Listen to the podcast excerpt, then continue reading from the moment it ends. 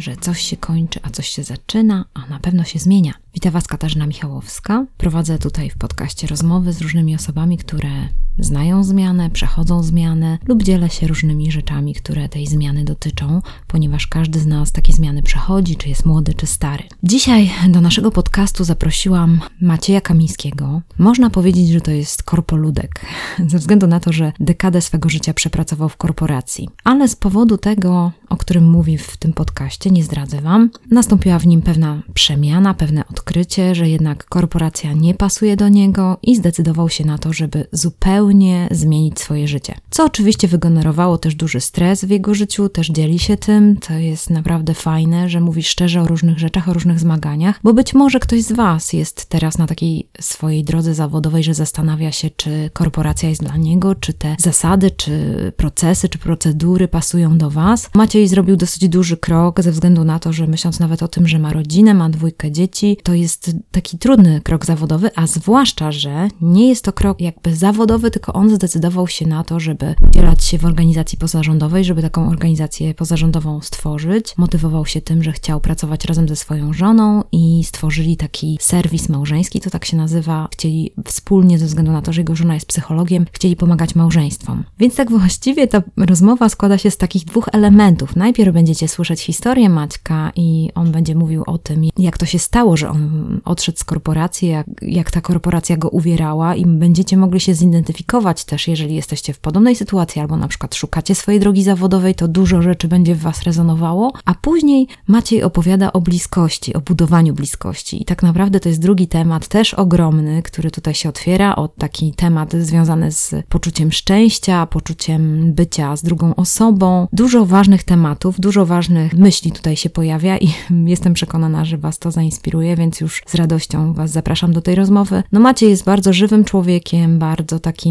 ekstrawertycznym. Ta rozmowa była dosyć taka energetyczna, dużo rzeczy y, powycinałam nawet, bo, bo się bardzo śmialiśmy i zakłócało to odbiór. A tak poza tym, jeszcze zanim Was zaproszę do tej rozmowy, to chciałam się pochwalić, że jesteśmy na Spotify, więc jeżeli ktoś z Was y, używa tej aplikacji, to również można nas słuchać przez Spotify'a, stacja zmiana, można nas od tam odnaleźć, więc może to będzie dla Was wygodniejsze. A tak poza tym przypominam o tym, że fajnie by było, jeżeli byście też właśnie promowali ten podcast, jeżeli to są ciekawe rzeczy, jeżeli uważacie, że ta treść jest wartościowa, że może pomóc Waszym znajomym albo jakoś ich zainspirować, Waszych szefów albo Was samych inspiruje, no to podawajcie dalej te informacje, będzie mi bardzo miło. A teraz Was zapraszam do rozmowy, posłuchajcie, bo naprawdę warto.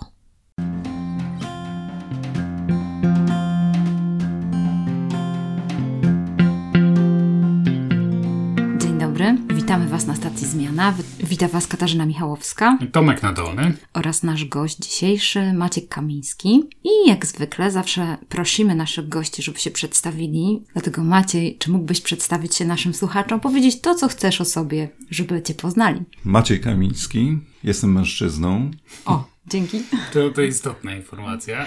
Jestem, myślę, że szczęśliwym mężem wspaniałej kobiety. Pozdrawiam Cię, Agnieszko, jeżeli to słyszysz. Mm, Mam dwie wspaniałe córki, Julkę i Natalię. I jestem w takim dość nietypowym momencie swojego życia i myślę, że o tym sobie tutaj porozmawiamy. Przechodzę dość intensywną zmianę z bycia tak zwanym korpoludkiem do bycia jeszcze nie wiem kim. To jest temat, który poruszamy na stacji Zmiana. Są po prostu takie etapy w życiu człowieka, że to, co robił przez większą część swego życia, tak jak ty, Maciej, tutaj mam nadzieję nam trochę o tym opowiesz, to jest taki moment, że chce jakoś inaczej się przepoczwarzyć, chce się przebranżowić, chce przejść w inny stan swojej pracy zawodowej. Powiedz nam, Maciej, co robiłeś do tej pory? Może troszeczkę tak przybliż, co, czym się zajmowałeś? Z zawodu jestem ekonomistą i generalnie rzecz biorąc, odkąd pamiętam, to zawsze zajmowałem się marketingiem i projektami marketingowymi, a ostatnie 10 lat tego typu rzeczy realizowałem właśnie w jednej z większych korporacji w Trójmieście i tam byłem menadżerem, czyli kierownikiem do spraw marketingu. I miałeś swój jakiś zespół? Tak, taki- i miałem swój przy wpływach 15-osobowy zespół, który realizował bardzo dużo i bardzo szeroki zakres różnorodnych projektów marketingowych począwszy od kampanii atelowych i betelowych, przez kampanie w internecie, przez branding, przez organizację programów lojalnościowych dla różnego rodzaju klientów, więc bardzo szeroki zakres działania, ale zanim za, dostałem się do korporacji, bo nie urodziłem się w korporacji i powiem szczerze, że jest to jedna z rzeczy, które naprawdę doceniam, że nie wszedłem do korporacji zaraz po studiach. To jest dla mnie jakby też y, bardzo cenne, bo podejrzewam, że gdyby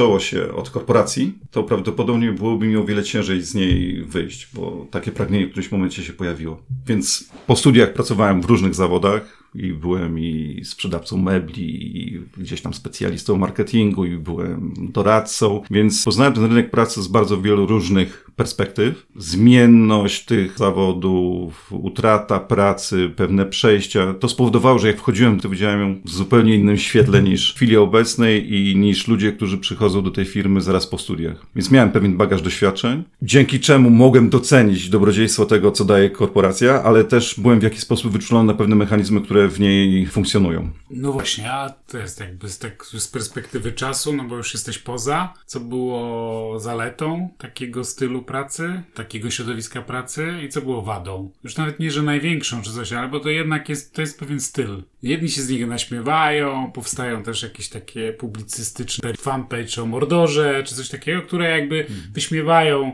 Każde życie tego typu ma jakieś tam swoje patologie i blaski. Ty jako Maciej, co, co ty zapamiętałeś, że, że było fajne w tym? Jakie były tego zalety, jakie były wady? No, mi jako Maciejowi jest y, ciężko Ci odpowiedzieć na to pytanie, bo tak jak tutaj zaznaczyłem jeszcze przed rozpoczęciem naszej rozmowy, to co ja w chwili obecnej przechodzę i w jaki sposób funkcjonuję, jest takim, przynajmniej tak jak ja sobie na wewnętrzny użytek definiuję, okresem przejściowym między tym światem, e, z którym się zrosłem, a tym czymś, co jeszcze teraz się gdzieś tam wydobywa ze mnie i wykluwa, więc nie, nie jestem w stanie dać precyzyjnej i jednoznacznej i prostej odpowiedzi na Twoje pytanie, w jaki sposób podsumować Chcę tylko powiedzieć, że to, czego doświadczyłem, na tyle jest jeszcze dla mnie świeże i na tyle mhm. jeszcze we mnie gdzieś rezonuje i próbuję to wielokrotnie w jakiś sposób przetrawić. Nie, nie, nie jestem w stanie jeszcze tego rozumowo wyartykułować, aczkolwiek pewne rzeczy gdzieś oczywiście się rzucają samo przez się. To znaczy, korporacja, w której ja pracowałem, to jest świetne miejsce dla ludzi, którzy chcą osiągnąć pewien status materialny, którzy mają dobry socjal, którzy uwielbiają adrenalinę, bo tego tam nie brakuje. I to jest coś, za czym tęsknię, którzy czerpią satysfakcję przynależności do pewnej grupy, która jest gdzieś tam zdefiniowana marką i która, ponieważ marka jest silna, to identyfikują się z przynależnością do tej grupy. I którzy ostatecznie w rozmowach kuluarowych, ale nie podczas spotkań biznesowych, wprost przyznają ci, że to jest złota klatka. Mhm. Czyli, że wielu moich rozmówców z tamtego miejsca, gdyby tylko mogło, to by tam nie pracowało. Ale kolejny, w jakie weszli i tryby, w jakie zostali czy sami, czy w wyniku różnych uwarunkowań wkręceni, powodują to, że z biegiem czasu coraz trudniej się z tego środowiska wyrwać, jeżeli dojdzie do jakiegoś punktu krytycznego. Bo rozumiem, że oferta, na przykład w którym mieście, ciężko znaleźć podobną ofertę strony socjalu i, i listy płac, więc, więc pewnie to jakby tworzy tą złotą klatkę, tak? Przede wszystkim. To zdecydowanie, ale dlatego to trudno mi odpowiedzieć na to pytanie, bo myślę, że to nie jest zawsze jednoznaczna i czarno-biała odpowiedź. Dla wielu ludzi to, co się tam dzieje, nie chciałbym demonizować, bo generalnie rzecz biorąc, zachęcam wszystkich do spróbowania swoich sił w takim organizmie, jakim jest korporacja. Dlaczego nie? Jest tylko kilka rzeczy, o których trzeba pamiętać, wchodząc do, do, do czegoś takiego. Myślę, że każdy powinien gdzieś dotknąć, sprawdzić, czy jest dla niego i czy w tym się odnajdzie, bo jeżeli, i tu mówię właśnie o ludziach, którzy kończą studia i idą, a też tam się znajdowali, jeżeli jest to pierwsze miejsce pracy i nie ma się albo doświadczeń, albo pewnego kręgosłupa, albo pewnego wyrobionego kodeksu wartości, mhm. to bardzo łatwo szybko popłynąć. Bo tego typu duże organizmy rządzą się jakimiś swoimi standardami, swoimi prawami. Każda korporacja ma pewnie inne. Z jednej strony to budzi jakąś, jakieś poczucie wspólnoty i przynależności do ludzi, którzy w tej korporacji pracują, a w drugiej bardzo łatwo potrafi rozmyć Twoje postrzeganie rzeczywistości, postrzeganie różnych spraw. Jeżeli nie masz wryte w głowę, że uczciwość jest standardem, to w takim miejscu będziesz stał przed bardzo wieloma różnymi dylematami i wyborami, które im dłużej będą trwały, tym bardziej będą cię naginały do tej rzeczywistości korporacyjnej. Dla, dla mnie najbardziej znamienną rzeczą jest przykład tego, jak kończą się spotkania biznesowe, stoisz z ludźmi na korytarzu i słyszysz, co ci ludzie mówią, a to absolutnie stoi w sprzeczności do tego, co przed chwilą usłyszałeś z ich- ust na tej sali. To jest nieprawdopodobne. To jest nieprawdopodobne, ile ludzie z różnych motywów, bo nie tylko finansowych, nie oszukujmy się. No niektórzy, oczywiście, dla niektórych to jest podstawowe kryterium, żeby zarobić jak najwięcej pieniędzy, ale są ludzie, dla których takie miejsce, taka przestrzeń daje im możliwość ekspresji, uwolnienia pewnych rzeczy, które gdzie indziej by się w ogóle nie zamanifestowały. Ja tu mówię o ludziach toksycznych, o ludziach, którzy są chorzy na władzę, ja mówię o ludziach, którzy rywalizują, mówię o ludziach, którzy odnajdują przyjemność, sens życia w tym, żeby czynić jakieś drobne złośliwości. I w takim środowisku to jest pożywka dla tego typu ludzi. nie? Mówisz też o wszystkich wadach takich dużych grup społecznych, które są też mocno hierarchizowane i mają sil- silne podziały kompetencji. Ja też mam takie doświadczenie z tego typu organizacjami. Nie wiem, czy to potwierdzisz, że kiedy ja na przykład próbuję takie osoby, nie wiem, uczyć czy uczulić na to, żeby właśnie na przykład, nie wiem, demokratyzować pewne procesy albo bardziej wprowadzać zwinne narzędzia w tej sferze percepcyjnej, w tej takiej deklaratywnej, oni rzeczywiście się uczą i, i nawet dość sprawnie, mm, szybko zaczynają rozumieć o co chodzi w tym całym, jakby na przykład w metodyce jakiejś i tak dalej. Po czym i tak, i tak, jak przychodzić do, do czegoś, nie potrafią się wyzwolić z tego, że jednak każdemu trzeba kazać, każdego rozliczyć. Na koniec liczy się marża, wykonanie planu i właściwie, no i w ciągu kilku tygodni absolutnie gubią założenia, które nawet nie dadzą im się wypróbować, no bo, bo kilka tygodni w korporacji jest za krótko, żeby wypróbować, czy działa jakaś metodyka i tak dalej. Po kilku tygodniach e, wspaniałe ideały wygłoszone na przykład w formie właśnie pięknej PowerPointowej prezentacji, no bardzo szybko idą się. do- Ja, mam takie doświadczenie z ludźmi właśnie z takich dużych organizmów, że większość z nich, tak jakby ja miałem poczucie, że spalamy czas niepotrzebnie. po, po paru miesiącach widziałem, że to tak Tak się zastanawiam, bo wydaje mi się, że mówisz o czymś, co jest też taką powierzchowną cechą tych organizacji, czyli trudność adaptacji, czy e, trudność dokonywania zmian, co, co jest naturalną Jest cechą, naturalna, cechą, drugiej cechą tego typu, typu organizacji. strony chyba nie ma Mhm. też takiej szczerości w tym, że nie wiem, albo to i- może nie ten poziom, może to powinno od prezesa w dół po kolei każdy schodek przechodzić jednak ta chęć zmiany, czy chęć rzeczywiście. Trudno mi powiedzieć, bo to tak aż nie, tam nie wnikałem w każdy przypadek, ale właśnie takie miałem poczucie, że w mniejszych organizacjach, jeśli są ludzie przekonani, to oni rzeczywiście próbują, eksperymentują z tą nową, a w starych to jest tak, że deklaratywnie zadeklarowane, że my teraz to jesteśmy, nie wiem, turkusowi albo jacyś tam, tylko to jest tylko deklaratywne, a w, ostatecznie i tak, i tak zrobiłeś plan? Wydzwoniłeś? Czy tam?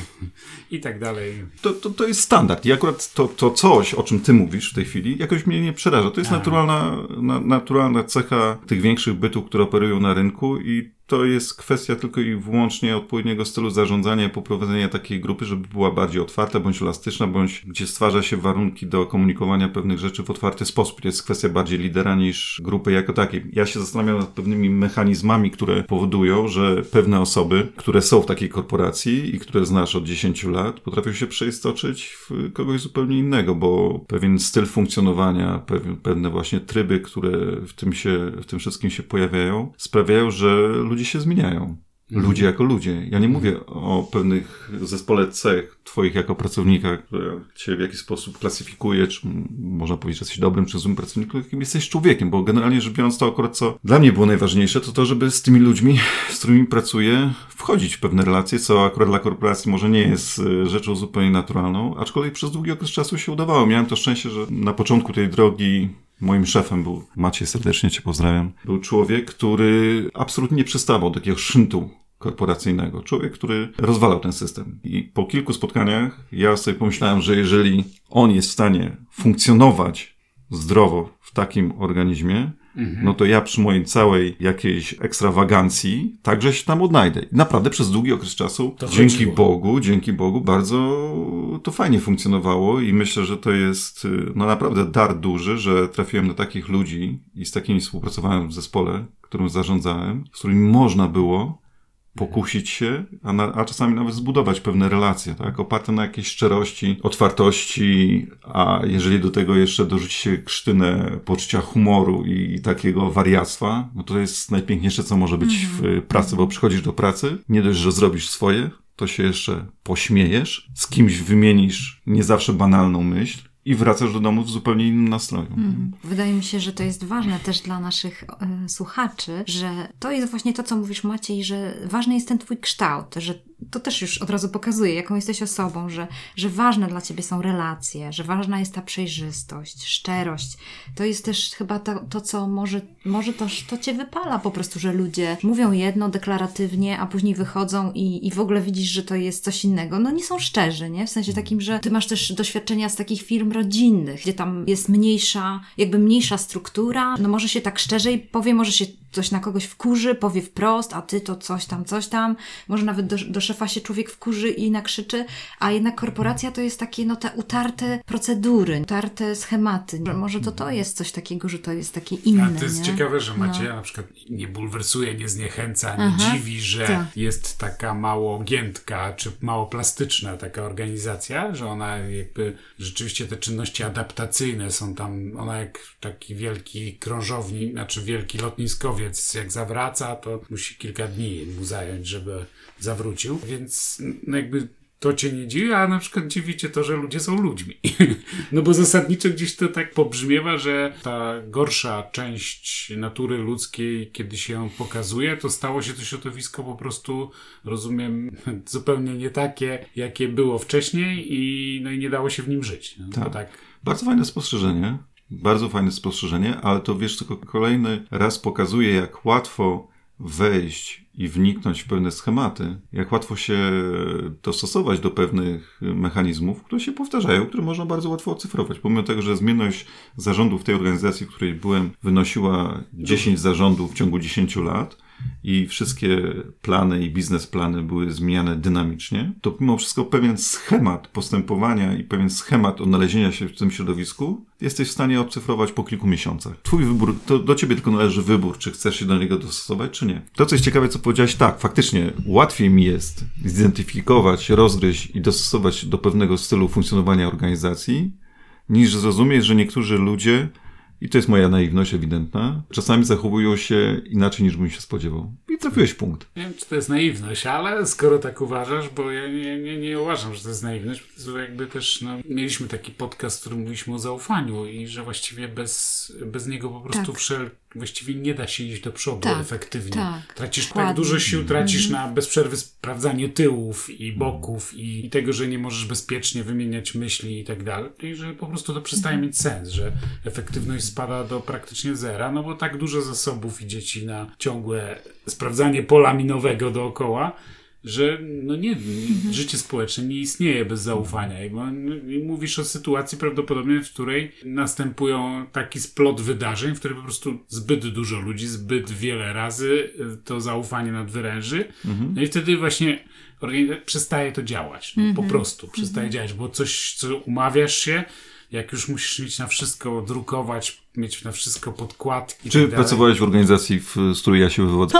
Bo przytaczasz przykłady, których już nie muszę przytaczać. No, tak to dokładnie ale, funkcjonuje. Ale to, to rzeczywiście przestaje mieć sens, no bo ta część, którą ty mówisz, że spędzałeś na fajnej wymianie myśli z ludźmi, no tą część spędzasz na zupełnie jałowe rzeczy, Tak. na, za, Mhm. na stałe po prostu pilnowanie, żeby coś się nie stało, nie potknąć i tak dalej. No to jest bez sensu. Moim zdaniem jednak jest to wina managementu, który musi promować e, pewne postawy i jasno ucinać pewne praktyki, które są toksyczne. Musi je dostrzegać, zauważać i tak dalej, ale to być może ja mam takie spostrzeżenie, nie wiem jak ty. No, no, morale wewnątrz naprawić, no poza wyjściem z tej organizacji, prawdopodobnie na pewnym szczeblu, kiedy nie jesteś prezesem, pewnych rzeczy nie możesz zmienić, nie? No bo nie, nie możesz, więc masz wyjście albo, nie wiem, być jakimś takim buntownikiem wewnątrz, co pewnie różnie się kończy, albo wyjść, albo zostać się dostosować. To są takie trzy opcje. Jak ty odbierasz to? Można w ogóle jakoś leczyć tego typu środowiska? Mhm. Tak, kolej, kolejny bardzo ciekawy wątek poruszałeś. Oczywiście każdy, kto pracował w biznesie, powie ci, że menadżer, czy management, czy lider kreuje tą rzeczywistość, która jest pod nią, ale w sytuacji, kiedy lider zmienia się co roku, to nikt nie jest w stanie nadążyć za zmianami rzeczywistości, więc ludzie dostosowują się bardziej do tego, co znane, pewne i bezpieczne, niż do tych kolejnych fantasmagorii, które tak odbierają, tak? Mhm. Bo przyjdzie następny za chwilę i wszystko się znowu zmieni. Więc, bo nie chciałbym też jakby takiego, takiego ro, ro, roztaczać czaru czarnej, złowrogiej korporacji, która niszczy ludzi, bo oczywiście tak nie jest. I to wszystko no. właśnie zależy w dużej mierze od managementu. Więc jeżeli słuchają nas ludzie, którzy zastanawiają się nad pracą w korporacji albo mają gdzieś w planach pracę w korporacji, to ja z własnego doświadczenia sugerowałbym popytać i posprawdzać, czy zarząd, który tą korporacją kieruje, jest długo, jak funkcjonuje, jakie stworzył ramy właśnie dla swobodnej, swobodnego przepływu myśli, dla rozmowy, dla dyskusji, bo to bardzo dużo powie o tej organizacji. Jeżeli to jest organizacja, w której zarząd zmienia się co roku, to nie ma absolutnie jakby pewności, że będzie można się z tą organizacją utożsamić w dłuższym okresie czasu, bo ta zmienność wymusza jakby stałe adaptowanie się, stałe zmienianie, nie, nie powoduje w tobie takiego zakorzenienia się i chęci współpracy z tą organizacją, a bardziej, bardziej uruchamia wszystkie mechanizmy obronne. Nie? Co do buntownika i o tym, o czym mówiłeś, to nie była też samodzielna decyzja wyjścia z tej korporacji. Ja się wypchnąłem w, jakim, w jakimś sensie z tej korporacji. Otóż, jak nastąpiło to, o czym ty mówisz, czyli w pewien sposób te relacje międzyludzkie zaczęły schodzić na poziom, który absolutnie mi nie odpowiadał, to zacząłem robić różne rzeczy, na które sobie wcześniej nie pozwalałem. Czyli jeżeli wdrażaliśmy pewien projekt, a ten projekt bardzo mocno ocierał się o wartości, bo jest taki trend w marketingu, który promuje takie postawy. I guru marketingu Philip Kotler w 2012 roku taką wizję nowego marketingu roztoczył. Jeżeli on mówi o tym, to jest też nieprawdopodobne, że po set latach ludzie wracają do pierwocin, bo jeżeli on mówi o tym, że nie traktujemy teraz klienta jako klienta, ale jako człowieka i że nie budujemy z nim relacji opartej na lojalności, tylko budujemy z nim relację ludzką opartą na jego potrzebach i emocjach, to ja się zastanawiam, jak to jest możliwe? Przecież to jest tak zakodowane pierwotnie w każdej istocie ludzkiej, że nie trzeba być geniuszem, żeby do tego dojść. A zobaczcie, jak świat w postępie tym swojej myśli, załóżmy, marketingowej, ile pochłonęło mu czasu, żeby dojść do tego miejsca. Firmy nie, na tyle są mało wyróżnialne, że trzeba było sięgnąć do samej istoty człowieczeństwa, żeby się wyróżnić na tle pozostałych. No więc ten trend mi przypadł, nie, nie, nie wnikając czym jest i, i na czym polega, bo moglibyśmy godzinami rozmawiać, ale tak mi przypadło do gustu, że postanowiłem w pewien sposób zaproponować organizacji pójście w tym kierunku. No więc moja propozycja polegała na tym, że przygotowałem plan, porządziłem zestawienie zasobów, które są wymagane i postawiłem pewne warunki, które są niezbędne do wprowadzenia takiej zmiany w organizacji. Trwała długa i ożywiona dyskusja. Oczywiście wszystkim to się spodobało, bo na papierze to wygląda pięknie, a myśli zawarte w tej idei naprawdę bardzo dobrze się tego słucha i to każdy y, gdzieś głębią serca bo czuje. One odpowiadają na nasze Oczywiście na głębokie potrzeby. potrzeby. Gorzej, że nie odpowiadają na potrzeby korporacji. I to gdzieś w trakcie zaczęło wychodzić, bo o ile projekt wystartował, to z każdym dniem tracił swoją duszę. Bo jeżeli my mówiliśmy o tym, że wartości są najważniejsze, że kontakt z drugim człowiekiem jest najważniejszym, to w pewnym momencie dyskusja nie toczyła się już o niczym innym, o tym, jak wprowadzić odpowiednie procedury i je rozpisać, żeby to było zostało zaimplementowane do organizacji. W ciągu kilku miesięcy całkowicie zgubiono ducha tego, o czym y, na początku rozmawialiśmy, bo to się faktycznie rozszyło w tych trybach korporacyjnych. I to byłoby jeszcze pół biedy, bo na tym można byłoby zapanować i odpowiednio to skoordynować, zarządzić czymś takim i, i to jest do ogarnięcia. Gorzej, że warunek a priori postawiony przed tym projektem, czyli lider musi wziąć na siebie odpowiedzialność i firmować to całym sobą i dostarczyć jeszcze zasoby do tego realizacji, to to już jest y, naprawdę duże przedsięwzięcie. Mało jest takich, którzy by tego, się podjęli, więc ja akurat nie jestem zaskoczony, że, że nie tym, nie, tym, nie, jestem zaskoczony, że nie wyszło, bo był, był to pewien proces, tak jak mówię, wy, nie wypychania się z, stamtąd. To była ostatnia moja wewnętrzna deska ratunku na uratowanie się w tej organizacji, bo gdyby się okazało, że istnieje jakakolwiek szansa na to, żeby tak ta organizacja zaczęła funkcjonować, no to ja myślę, że do końca życia bym stamtąd nie wyszedł. Czyli zakończyłeś na tak zwanym wysokim C Tak, e, i z tak. przytupem. E, rozumiem, że fajny projekt, super, i który gdyby się powiódł, to miałbyś na napęd pewnie na kolejną dekadę, a ponieważ się nie powiódł, no to właśnie. I Co się stało potem? Tak, W i jakim miejscu jesteś? Tak, no i no, musimy to traktować no, jak, jako pewien proces, który we mnie gdzieś tam cały czas kiełkował. Ja dwa lata przed odejściem po takiej wyprawie wędkarskiej na jedną z wysp wróciłem z postanowieniem, że chcę pracować jakby w zespole z moją żoną. To było początkowo zupełnie mgliste przeświadczenie, coś co potem chodziło mi po głowie, ale Ciekawe pragnienie. tak, naprawdę. bardzo ciekawe, które wiele osób próbowało mnie do niego zniechęcić. Ale z biegiem czasu coraz więcej rzeczy, które w życiu się pojawiały, nas do siebie w tej ścieżce zawodowej zbliżały. Moja żona jest psychologiem, więc generalnie rzecz biorąc, ja nie przeformatowałem się na psychologię, ale jest jeden wątek, który nas łączy, bo społecznie od bardzo długiego okresu czasu zajmowaliśmy się różnymi działaniami skierowanymi do małżeństw. Jest taka też coroczna impreza, nie wiem czy słyszeliście, Tydzień Małżeństwa, organizowana w kilkudziesięciu krajach na całym świecie, tutaj w Gdańsku od pięciu lat, która się bardzo fajnie zresztą rozwija i rokrocznie w okresie takim walentynkowym, między 7 a 14, ludzie na całym świecie celebrują poprzez różnorodne działania swoje związki. I to, co akurat nas urzeka w tej wizji, to jest to, że nie, nie narzekamy, nie mówimy, jak te małżeństwa się rozpadają, jak jest kryzys małżeństw i coś tam złego dzieje, tylko my gromadzimy ludzi, którzy chcą powiedzieć, że warto, że to jest taka instytucja, która no nie dość, że daje ci jakieś bezpieczeństwo, daje ci róż, dużo różnych benefitów, to daje ci o wiele więcej, bo daje ci coś, czego, co cię nie uzdolni do rozwoju poza związkiem. To jest to, na co kładziemy fundamentalny nacisk. Bliskość, którą zbudujesz w związku, pozwala ci jeszcze bardziej być wolnym, niż gdybyś był poza tym związkiem. Jeżeli moja żona mnie wspiera w wielu różnych działaniach i widzi, że to jest dobre dla mnie i nie jest dla mnie ograniczeniem tego wsparcia, chociaż oczywiście kompromisy musimy zawierać, to jest normalne, to ja się rozwijam z poczuciem takim, że towarzyszy mi ktoś, to mnie w tym wspiera. I w drugą stronę jest to samo. To jest nieprawdopodobna rzecz. Ja myślę, że warto o tym mówić, że budowa bliskości między dwojgiem ludzi, to w tym świecie jest czymś nieprawdopodobnym. To jest coś nieprawdopodobnego. Zacząłem od tego tygodnia małżeństwa, ale myśmy założyli i fundację i założyliśmy teraz firmę. Firma się nazywa notabene Korelacje, bo w kierunku korelacji idziemy. Realizujemy teraz szereg różnych projektów, także dofinansowanych z Ministerstwa Sprawiedliwości, jakąś kampanię internetową. Generalnie jesteśmy w epicentrum realizacji różnorodnych projektów, dlatego mówiłem, że ciężko mi mówić o zmianie, gdzie jestem w samym środku tej zmiany i nie wiem, z czym to się jeszcze Chyba zakończy. tak lubisz być w takim żywiole, tak, tak mam wrażenie, czy nie? Możemy otworzyć, y, możemy otworzyć osobną dyskusję na temat szczęścia.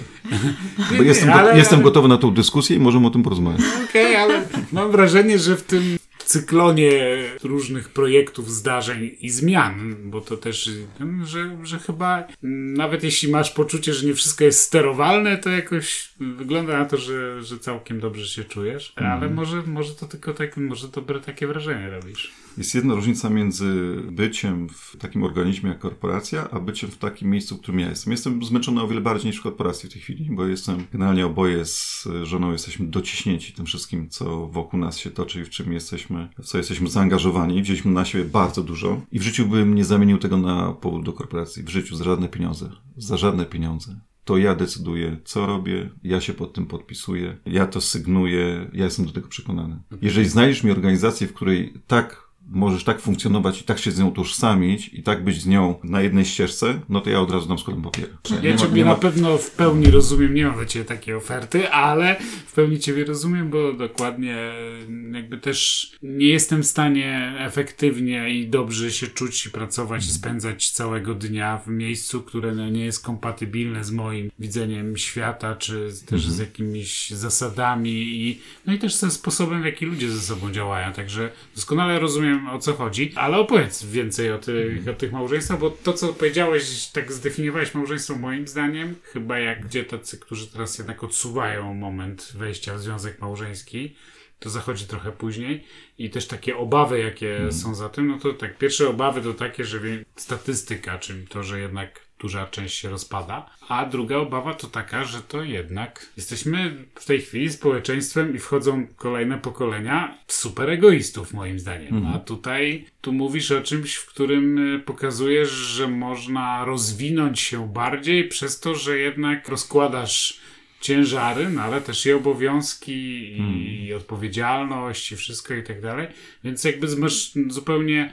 Wydaje mi się, że to jest inna wizja niż ta, którą tak e, najczęściej wśród znajomych słyszę. No i też za tymi wizjami też stoją pewne lęki, na przykład przed wchodzeniem w taką bliskość, czy, czy obiecywaniem sobie czegoś do końca życia i tak dalej. No, no, no jest. No, por- poruszyłeś bardzo fajnego zagadnienia, który z Agnieszką bardzo często poruszamy, a Agnieszka z perspektywy swojego warsztatu psychologicznego. Coś, co ciężko zdefiniować, ale co jest bliskością między dwojgiem ludzi, bo nie ma co oszukiwać. To, że jesteśmy istotami społecznymi i że potrzebujemy takiej bliskości, to jest zupełnie bezsprzeczne. Każdy z nas ma taką potrzebę. Tylko, że te potrzeby realizujemy w różny sposób, a coś takiego optymalnego, gdzie z drugim człowiekiem możemy nawiązać kontakt, nie kontakt międzygatunkowy, nie kontakt z energią, ale z namacalnym drugim człowiekiem i z którym możesz wejść na kod porozumienia, w którym mówisz nie tylko i wyłącznie o kasie, o dzieciach, o pieniądzach, ale dzielisz się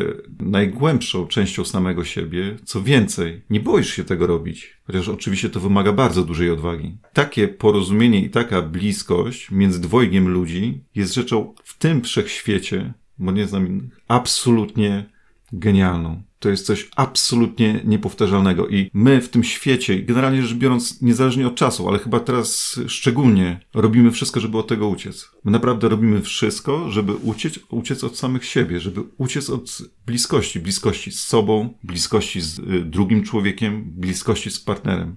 Jest mnóstwo teraz rzeczy, które nam umożliwiają ucieczkę. Ucieczkę, słuchajcie, tak, tak naprawdę od istoty człowieczeństwa. W tych czasach znaleźć dla siebie kilka minut, wejść w siebie, poczuć siebie, to jest naprawdę luksus. A mieć to jeszcze z drugą osobą, no to jest mistrzostwo świata. No i robimy wszystko, żeby pokazać ludziom, że to jest możliwe że można, można się tego nauczyć, można to opanować. Nie jest to jakaś wiedza tajemna, aczkolwiek ociera się o pewne konkretne mechanizmy psychologiczne, bo tutaj mówimy o pewnych mechanizmach obrony, które uniemożliwiają ci wejście w taką bliskość, bo możesz mieć po prostu zakodowane, albo możesz być zraniony, albo możesz mieć mnóstwo różnych pomysłów na to, jak taki związek może wyglądać, co niekoniecznie ci gwarantuje, że taką bliskość uzyskasz, nie? Ale jeżeli masz sobie jakąś odwagę, żeby zmierzyć się z czymś takim, no to nagroda za to, to oczywiście trwa i to jest, i to nie jest łatwa rzecz. No małżeństwo nie jest łatwą rzeczą. To nie jest sielanka. To nie jest sielanka. Prawdziwa stacja zmiana. To nie jest sielanka. Uwierzcie mi, móc mieć w domu kogoś, z kim mówi się otwartym tekstem, już abstrahuję od korporacji, ale mówi się najgłębszym tekstem o swoich lękach, o swoich pragnieniach, o tym, co ci tkwi w samym głębi twojego serca, mieć gwarancję, że to jest przyjęte i że ten ktoś jeszcze w tym, o czym ty mówisz, cię wesprze, no to słuchajcie, to kupiłem sobie ostatnio książkę, bo coraz bardziej drążę ten temat, o czym mówią, czy czego żałują ludzie, którzy umierają. Moment odchodzenia z tego świata jest szczególnym momentem, w którym pewne rzeczy nie odgrywają już roli. Już nie ma znaczenia, czy faktycznie się wdrapiesz na tą drabinę, czy osiągniesz to, czy tamto, czy ludzie cię polubią, czy nie polubią, czy spełnisz pewne normy, czy spełnisz swoje oczekiwania co do tego, jaki sukces powinieneś odnieść w tym życiu, to życie się już kończy. To już możesz sobie pozwolić na szczerość. I większość tych ludzi zawsze powtarza to samo. To są pewne, pewne rzeczy, które zawsze w tej rozmowie pojawiają. Jedną z nich są relacje. Ci ludzie, gdyby mieli, mieli odkręcić swoje życie jeszcze raz, to w życiu by w, w żaden sposób tak nie grzebali re- relacji rodzinnych. Ja wiem, co ja będę widział, jak będę umierał. Ja wiem, co ja będę widział. Ja będę widział rączki, małe rączki moich córek i moją żonę. I to jest coś, co jest kwintesencją mojego życia.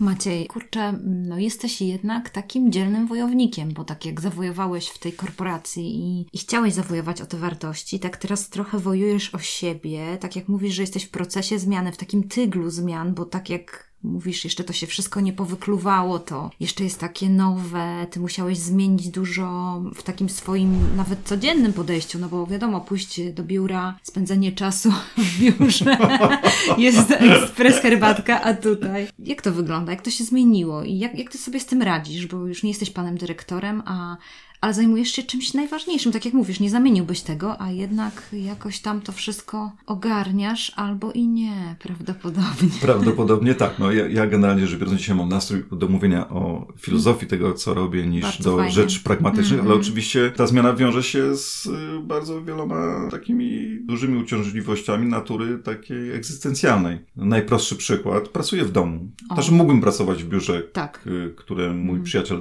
pozdrawiam cię Rafale gorąco, mi zaproponował i przez pewien czas tam pracowałem. A teraz nie chcę marnować czasu na jeżdżenie samochodem, lubię swój dom. Problem jest taki, że nie każdy w tym domu chce robić dokładnie to samo, co ja, jeśli chodzi o kwestie y, czystości, porządku. Dzieci 6-8 lat, nie można od nich wymagać tego, żeby nagle stały się przykłada- przykładami wzoru i porządku. Więc jeśli chodzi o y, życie takie codzienne, no to walczę z takimi właśnie tego typu problemami, czyli jak wygospodarować sobie w tym domu przestrzeń do tego, żeby pracować, jak sobie poukładać plan, bo sam oczywiście tym planem zarządzam, żeby mieć z tego satysfakcję i to jest coś, z czego cały, cały czas się uczę. Tutaj przez chwilę rozmawialiśmy też o tym, jak, jak sobie radzić ze zmęczeniem. Mhm. No wychodzisz z korporacji, zamykasz drzwi i możesz się odseparować od tego. Nie? Tutaj pracując samemu, zresztą większość przedsiębiorców to wie, to Mało wszystko... tego, ty wspomniałeś, że ty pracujesz z żoną, z którą jesteś też pozostałą część To nie jest tak, że jesteśmy cały dzień ze sobą, bo ona ma jednak gabinet, więc... No ja rozumiem, tak, ale, mimo wszystko,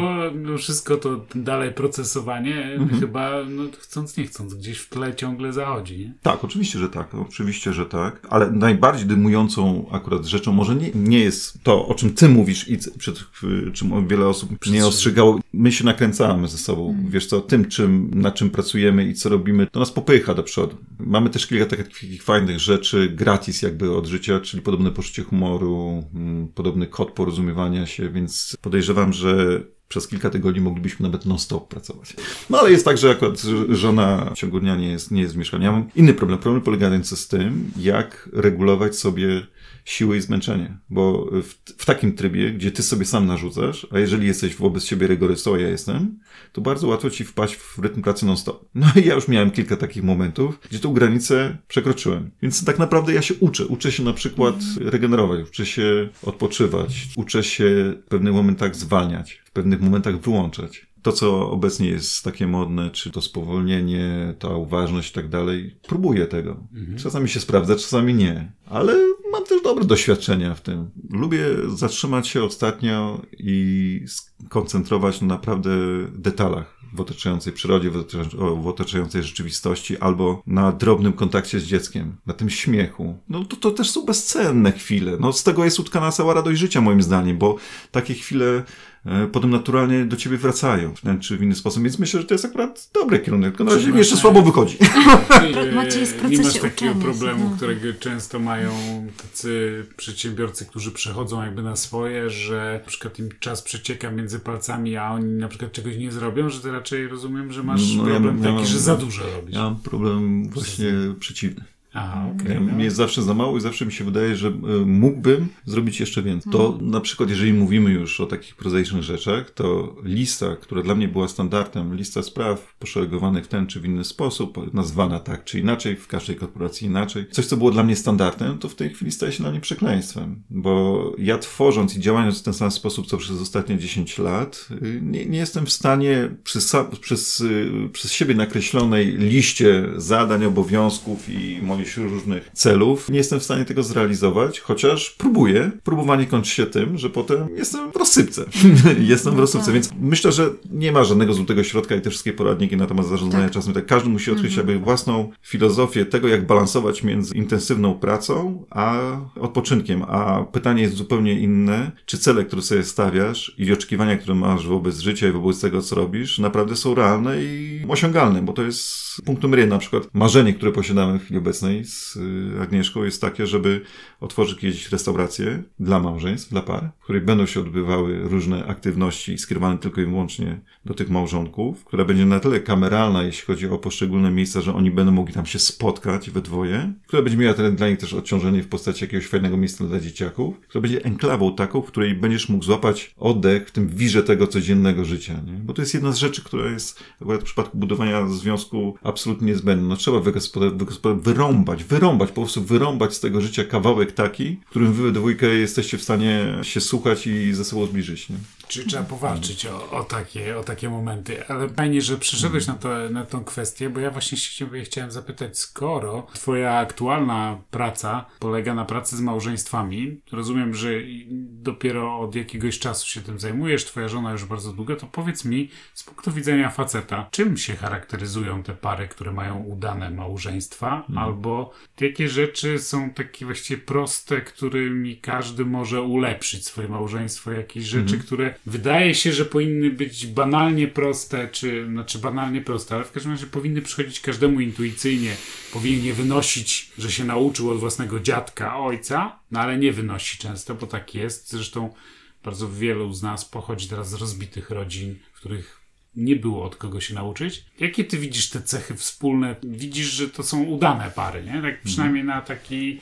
Przynajmniej, no oczywiście, że to oceniamy z zewnątrz, nigdy nie wiemy do końca, co się tam między nimi dzieje, ale każdy z nas wie, że jak widzi przed sobą parę, która jest szczęśliwa, to to widać po nich. No. Oni po prostu inaczej w ogóle funkcjonują. Wszystkich bardzo gorąco przy tej okazji zapraszam na powstały serwis małżeński.pl. Skarbnicę w tej chwili różnego rodzaju informacji, poradników i artykułów dotyczących tego, jak budować. jest miejsce w internecie, gdzie mogę... budować. Za pewnie niedługi czas, bo w przeciągu miesiąca będę zapraszał także do uczestnictwa w tym naszym projekcie, no Mhm. bo serwis małżeński tworzymy przy okazji teraz tego projektu ministerialnego, ale w przeciągu miesiąca także prawdopodobnie we dwójkę zaczniemy prowadzić takie grupy i spotkania dla małżeństw, więc taka wiedza oczywiście jest. Oczywiście jest. Ty pytasz mnie i chyba też uderzasz w takie tony bardziej męskie, co Jakieś chyba są takie cechy charakterystyczne, czy takie rzeczy, które najczęściej spotykacie, że akurat, y, że jest jakiś stały wzór, według którego okazuje się, że, że, że pary, które przestrzegają jakichś zasad, na przykład taki, wspomniałeś o jednej z nich, czyli o tym, że trzeba wyrąbać, jak to ująłeś, czyli trzeba powalczyć o to, żeby był od czasu do czasu ten moment, którym jest budowanie bliskości razem i tak dalej, no to ja bym to zaliczył jako jeden z takich, bo nie sądzę, żeby to wystarczyło.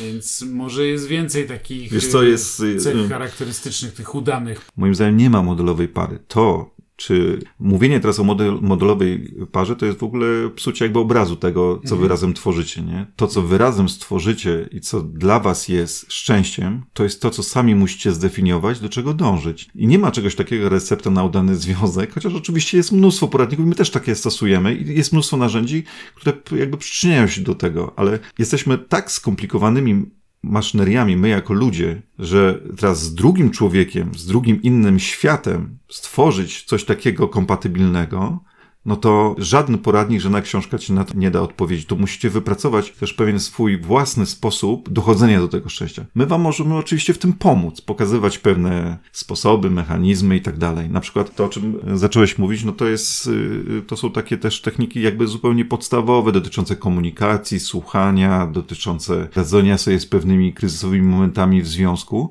ale jest cała warstwa czegoś pod spodem, co mamy gdzieś zakorzenione jako właśnie mechanizmy obronne, które nas osłaniają przed wchodzeniem w pewnego rodzaju relacje, właśnie przed otwieraniem się, przed mówieniem pewnych rzeczy, no bo znaleźliśmy się, bo tak byliśmy wychowani i tak dalej, i tak dalej, nie?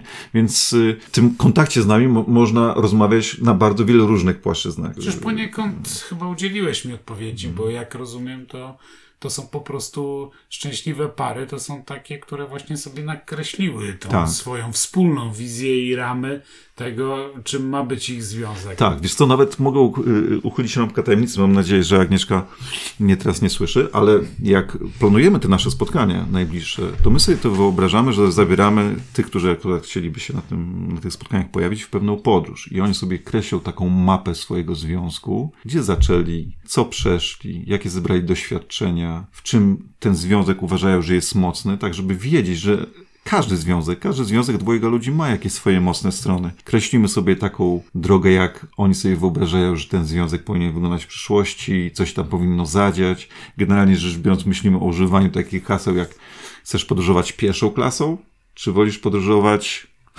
na piechotę.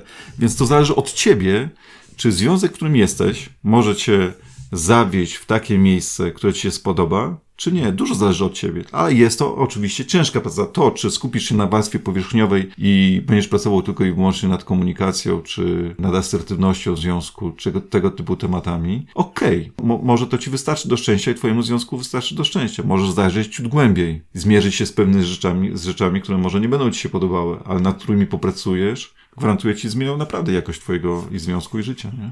No, Poruszyłeś też wątek, który dla mnie jest bliski, bo generalnie rzecz biorąc, jak, i to jest dla mnie pytanie, jak uruchomić facetów, mężczyzn, żeby w ogóle tą tematyką, o której tutaj rozmawiamy, żeby w ogóle ona gdzieś I mi się w głowach pojawiło, bo z naszych obserwacji wynika, to zarówno jeśli chodzi o uczestników różnego rodzaju spotkań dla małżonków, jak i teraz z ruchu na stronie tego serwisu małżeńskiego, to jest znikoma część populacji. Raptem mamy tam odwiedzających stronę 18% facetów. Dla mnie współczynnikiem, który w jakikolwiek sposób mnie zadowalał, jest 36%, czyli dwa razy więcej. I rozmawiałem... Ciągasz z tego wniosek, że jeśli chodzi o takie szukanie informacji na temat budowania dobrego związku, to jednak zdecydowanie po prostu faceci o wiele mniej szukają takich w ogóle nawet informacji, czyli... To, to, czyli... to na pewno, tylko ja nie, nie, też bym jak, w jakiś sposób nie upraszczał tematu, że faceci w ogóle jakby nie... Nie, ja rozumiem, jasne, nie mają, nie mają...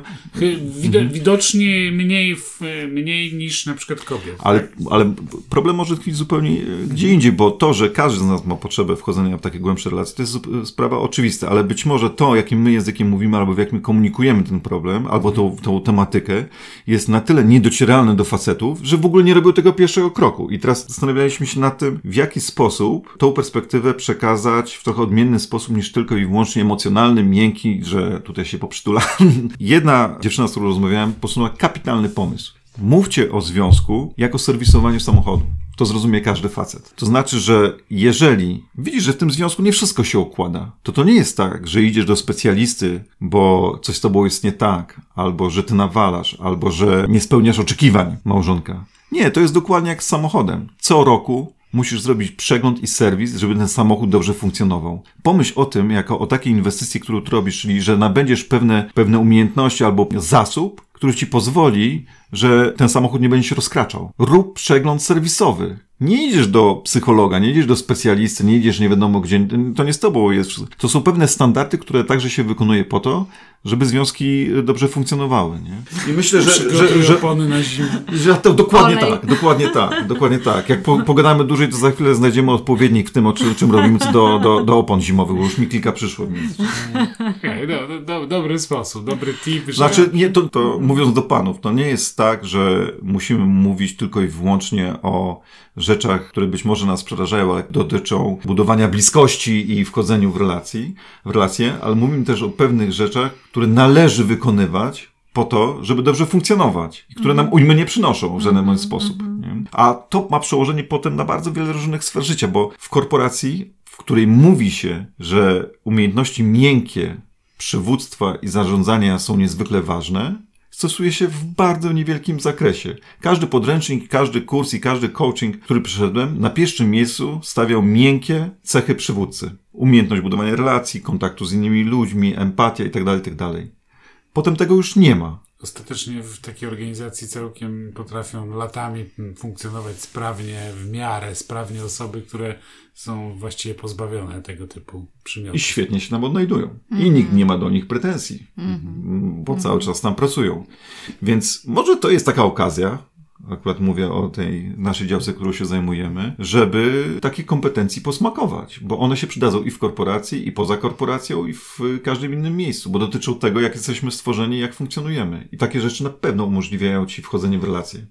Czy z małżonkiem, czy z kimś innym, nie? Kurczę Maciek, ja po prostu jestem cała happy, że w gruncie rzeczy tam ci w tej korporacji nie wyszło. Bo ty teraz możesz robić naprawdę coś, co, cię, co ci dodaje tej pasji. Nawet jak mówisz o tym, to z pasją od razu ten głos ci się podnosi, się przekręcasz na, tym, na tej wersalce, skaczesz w lewo i prawo. No w każdym razie chodzi mi o to, że to jest fajne i, i tak sobie myślę, że, że te, te rzeczy, to znaczy ta, to, że ty tam musisz sobie się pozmagać z tym czasem, z tą umiejętnością pracy, jak, jak tam sobie to, to poukładać w domu, jak pracować w domu, jak tam się nie zaorać, to moim zdaniem ty się tego nauczysz, nie? Ale to jest naprawdę fajne, fajny przykład, bo mogę powiedzieć, że jesteś po 40, czy to będzie zdrada? Może nawet grubo po 40. Dobrze, no nawet grubo po 40, ale w każdym razie... Ale do, dodaj, że fizycznie na, cały E, czas ale na wyglądasz na obrotach 30, i tak? Ale waga pokazuje ci wiek biologiczny 30 tam nie. 30, tak. Chodzi mi o to tylko, że kiedy czytam mądre książki, to właśnie i studiuję różne przykłady żyć ludzi, którzy tak naprawdę uwolnili swój potencjał w pełni, to tak naprawdę ten potencjał w pełni uwolniony jest po pięćdziesiątce. I wydaje mi się, że często ludzie z powodu tego, że albo na przykład tak jak ty, bo ty na pewno masz tam jeszcze syndrom wypalenia po tej korporacji, jeszcze, jeszcze tam takie różne rzeczy za tobą się ciągną, ale jeżeli ty to wszystko pozamykasz sobie i oddasz się z Agnieszką, yy, yy, w sensie takim, że no to co będzie, co wypali, to wyjdzie, to się tam nasmaruje na oliwii, to naprawdę to będzie coś, coś fajnego dla nas wszystkich, to to mnie bardzo zachęca. A druga rzecz właśnie w kontekście tego uwolnienia potencjału, że wydaje mi się, że ludzie często właśnie rezygnują na tym etapie, już później mówią, a nic mnie nie czeka, nic już nie zmieni, nic nie, nie zrobię, a to jest moim zdaniem no wielkie kłamstwo, ze względu na to, że patrz, masz dużo doświadczeń, widziałeś różne rzeczy, już nie jesteś jakimś takim idealistą, to znaczy jesteś idealistą dalej, widząc nawet to, co zobaczyłeś, nie? że ludzie no, nie są tacy, jak myślimy, że są. Ty, ty już jakoś tego doświadczyłeś, wiesz, że tak jest, czy siak jest. No, troszkę się tych złudzeń pozbawiłeś, ale tak pozytywnie. I przez to właśnie nabierasz tej y, takiej, mm, bym powiedziała, no, takiej mocy, tak, takich umiejętności, takich rzeczy, które teraz możesz używać. I, i to jest, i, i uwolnić tak naprawdę swój potencjał w tym do- wieku dojrzałym, nie? To tak mi się to kojarzy. No myślę, że to taka sympatyczna klamra naszego spotkania. Pamiętam, że byłem kiedyś na spotkaniu z Markiem Kamińskim, polarnikiem i on dużo, bardzo dużo mówił o temacie zmiany, wychodzenia ze strefy komfortu, odnajdywania swojej ścieżki życiowej. Ja mam na razie, tak jak mówię, w tym okre- okresie przepoczwarzania, możemy się spotkać za kilka lat i porozmawiać, jak oceniam ten okres z tamtej perspektywy. Pewnie będę się mocno i gęsto śmiał z siebie, ale on dużo mówi o uporze w odnalezieniu tej swojej ścieżki i podążania nią pomimo wszystkim, nawet zdroworozsądkowym sygnałom, które mówią ci, żebyś na nią nie wchodził, nie? No i ja wszedłem na tą ścieżkę i niezależnie od tego, mam takie wewnętrzne przekonanie, niezależnie od tego, gdzie ta ścieżka mnie zaprowadzi albo czym się zakończy, jednej rzeczy nigdy nie będę żałował, że podjąłem próbę, że zawalczyłem o siebie i podjąłem próbę zrobienia e, w swoim życiu i zrobienia czegoś w swoim życiu i zrobienia czegoś ze swoim życiem, co jest inne niż pędzenie po prostu z, z prądem, nie? I niezależnie od tego, naprawdę, niezależnie od tego, co, jaki będzie finał tych moich eksperymentów, to z tego jestem już dumny. Je, jestem, naprawdę jestem z tego dumny, że wyszedłem z pewnych kolejnych życia, w które byłem, bo tak chciałem, albo bo chcieli inni i które teraz sam tworzę.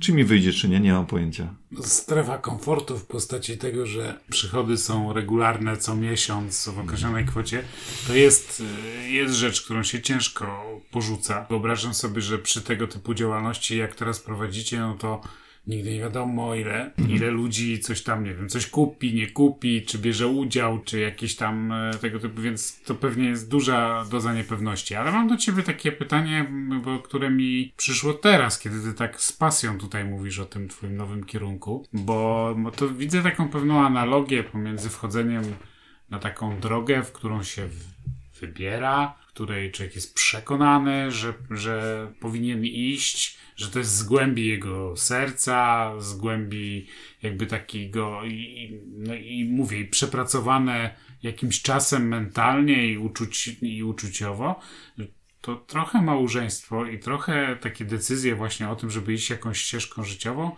mają tą samą cechę, że w pewnym momencie przychodzą kryzysy. I one takie przychodzą, w których mówi zejdź z tej drogi. To była pomyłka. To było źle. Takie rzeczy, ja myślę, że, że na tej ścieżce, na której jesteś, na prędzej lub później napotkasz stację, na która ci powie, może to jednak nie było tak, a to miało być trochę inaczej, albo coś tam. I ja nie mówię, że to jest źle czy tym, bo ty, bo ty, ty sam mówisz, że kiedyś może za jakiś czas stwierdzisz, dzisiaj już jesteś zadowolony z tego, gdzie jesteś, ale za jakiś czas różnie możesz to oceniać i tak dalej. Właśnie, i i jak jednak trzymać się tego obranego toru i nie dać się takim zjeść, no bo w małżeństwie niewątpliwie kryzysy są częścią po prostu tego, że jednak jesteście ze sobą długi czas, zmieniacie się, zmieniają się okoliczności, prace, dzieci się pojawiają i tak dalej. Jest normalne, że są kryzysy i różnie ludzie je przechodzą. Niektórzy po prostu wagoniki się rozdzielają. E, ale właśnie, czy ty ma, masz już jakąś strategię wypracowaną na takie rzeczy? Stawiasz mnie teraz w, w roli y, mądrej głowy, która da jakiś... Nie, może, może Nie, wiesz co, y, im dłużej myślę o tym zagadnieniu, tym bardziej dochodzę do przekonania, że jestem specjalistą od kryzysów. E, Od nie długiego czasu chyba także fanem. Wiesz co, Ale, że od wszystkie czy od trwania? O to trzeba byłoby zapytać Agnieszkę. Wiesz co, tak, takie kryzysy, które ja przeszedłem w życiu i my w małżeństwie, bo to jest zupełnie nie, oczywiste i nieodzowne i w życiu zawodowym i gdziekolwiek indziej, które są bolesne i przysparzają mnóstwa stresu i czasami cierpienia, to zawsze te kryzysy popychały mnie do przodu. No, jest też taka cząstka mnie, która lubi adrenalinę, lubi takie ekstremalne różne sytuacje, więc faktycznie gdybym miał przejść przez życie suchą nogą, to prawdopodobnie nie zaliczyłbym tego życia do udanych, więc ja lubię pewną zmienność, ale no, gdzieś ona jest wpisana we mnie, ale każdy kryzys, z którego, z którego wyszedłem, myślę, tak jak oceniam, może nieskromnie, że no, gdzieś, gdzieś tam z tymi kryzysami sobie dałem radę. On zostawia jakiś głęboki, głęboki ślad w twoim jestestwie. Jesteś naznaczony, wiesz co, no jak y, y, posługujemy się taką terminologią męską, no to jest tak, jakbyś był wojownikiem, który jest z tymi bliznami gdzieś tam poznaczony, ale każda z tych blizn, jeżeli jeszcze żyjesz i masz się dobrze, świadczy o tym, że jednak spiąłeś się na trochę inny level, nie? To jest fajne, wiesz, bo ja nie powiem, że moje życie układa się fajnie, bezproblemowo i tak dalej. Mam od cholery różnych rzeczy, które mi wiszą z tyłu głowy i które mnie męczą, nie? Ale fajnie, że też posuwam się do przodu i że to mnie nie zabija. Z tego się cieszę. Czyli muszę ci uwierzyć, że z tej perspektywy, w której jesteś dzisiaj, kiedy masz policzone blizny na sobie, to, y, to po prostu wiesz, że było warto y, przetrwać i, i iść dalej. Przecież właśnie no, najtrudniejszy jest ten moment, w którym zastanawiasz się, czy, czy dalej zejść, czy cofnąć się i tak dalej. I, I po prostu różni ludzie mają na to różne strategie, na tą, na tą wytrwałość, czy na jej, czy niektórzy jej po prostu nie mają, albo się nie nauczyli, albo nie chcieli się nauczyć. I, i różnie jakby z tym jest. Na pewno trzeba mieć grubą skórę na słowa, które w takich sytuacjach wypowiadają nie twoi dalsi znajomi czy obcy ludzie, twoi bądź nazywani przez ciebie przyjaciele, bądź ci, którzy do tej pory byli ci życzliwi i nagle zaczynają ci twierdzić, że to, co robisz, jest nierozsądne, zwariowane, nie przystaje do rzeczywistości, jest pewnego typu odlotem. To jest chyba najcięższe, nie? Gdy ludzie, którym ufasz, cię z tej drogi zawracają, bo mają swoje doświadczenia, bo mają swoje mechanizmy obronne, bo sami widzą rzeczywistość tak, a nie inaczej i pewnie z dobrej woli próbują ci wybić z głowy to, do, do, do czego jesteś przekonany. To jest chyba najtrudniejsze akurat. Więc jeżeli miałbym komukolwiek cokolwiek radzić, ja jestem dalek, daleki od radzenia czegokolwiek, to żeby w takich y, momentach jednak mimo wszystko uporczywie trzymać się siebie, bo będzie bardzo wielu ludzi, jeżeli już y, odważycie się wejść na własną ścieżkę, którzy będą chcieli cię z tej ścieżki zawrócić, nie? Nawet w dobrej, dobrej wierze. w dobrej wierze, w dobrej Chcąc wierze, nie? uchronić. W dobrej wierze. Może nie, nie, nie za bardzo wnikając w moje y, relacje rodzinne, to y, rodzice często są takimi, którzy chcą ustrzec swoje dzieci przed jakimiś porażkami. No i bywa też, że po, potrafią być bardzo szczerzy, aż do bólu. To jest pierwszy przykład z brzegu, który mi przychodzi do głowy. Pozdrawiam gorąco moją mamę z tego miejsca. To są takie rzeczy, o których często rozmawiamy na stacji Zmiana, że y, fajnie jest mieć zdefiniowane te swoje głębokie wartości, bo mi się wydaje, że tutaj Maciej odwołuje się do tego. Każdy ma swoje, nie? Każdy ma inne i, i jeżeli mamy to jakoś przemyślane, zdefiniowane, to warto się tego trzymać i to jest fajne, co Maciej powiedziałeś, że, że nie będziesz żałował po prostu, więc to jest naprawdę bardzo zachęcające. Dziękuję Ci bardzo za tą rozmowę. Dziękuję Ci za dziękuję. Twoją otwartość, szczerość. Nie wiem, czy Tomek chciałbyś coś dodać jeszcze? Na pewno tam w tych takich notatkach do podcastu na pewno pojawią się linki do tych projektów, miejsc, z którymi teraz się zajmujesz, bo to no na pewno to jest potrzebne. Te, ten, ten kawałek rzeczywistości wymaga wielu ludzi, którzy wielu ludziom pomogą, więc, więc na pewno tam odeślemy i dzięki wielkie. No, Dzięki, dziękuję serdecznie, dziękuję serdecznie. Dziękuję też za Waszą taką otwartość i umiejętność budowania odpowiedniej atmosfery tej rozmowy, bo mówiłem Wam wcześniej, że obawiałem się tego. To jest trochę sztuczna sytuacja, że siedzimy w trójkę i nagle próbujemy też wejść w jakąś relację i o czymś rozmawiać, więc dziękuję też za fajną atmosferę i fajną rozmowę. Dzięki bardzo. Dzięki 元気マジック。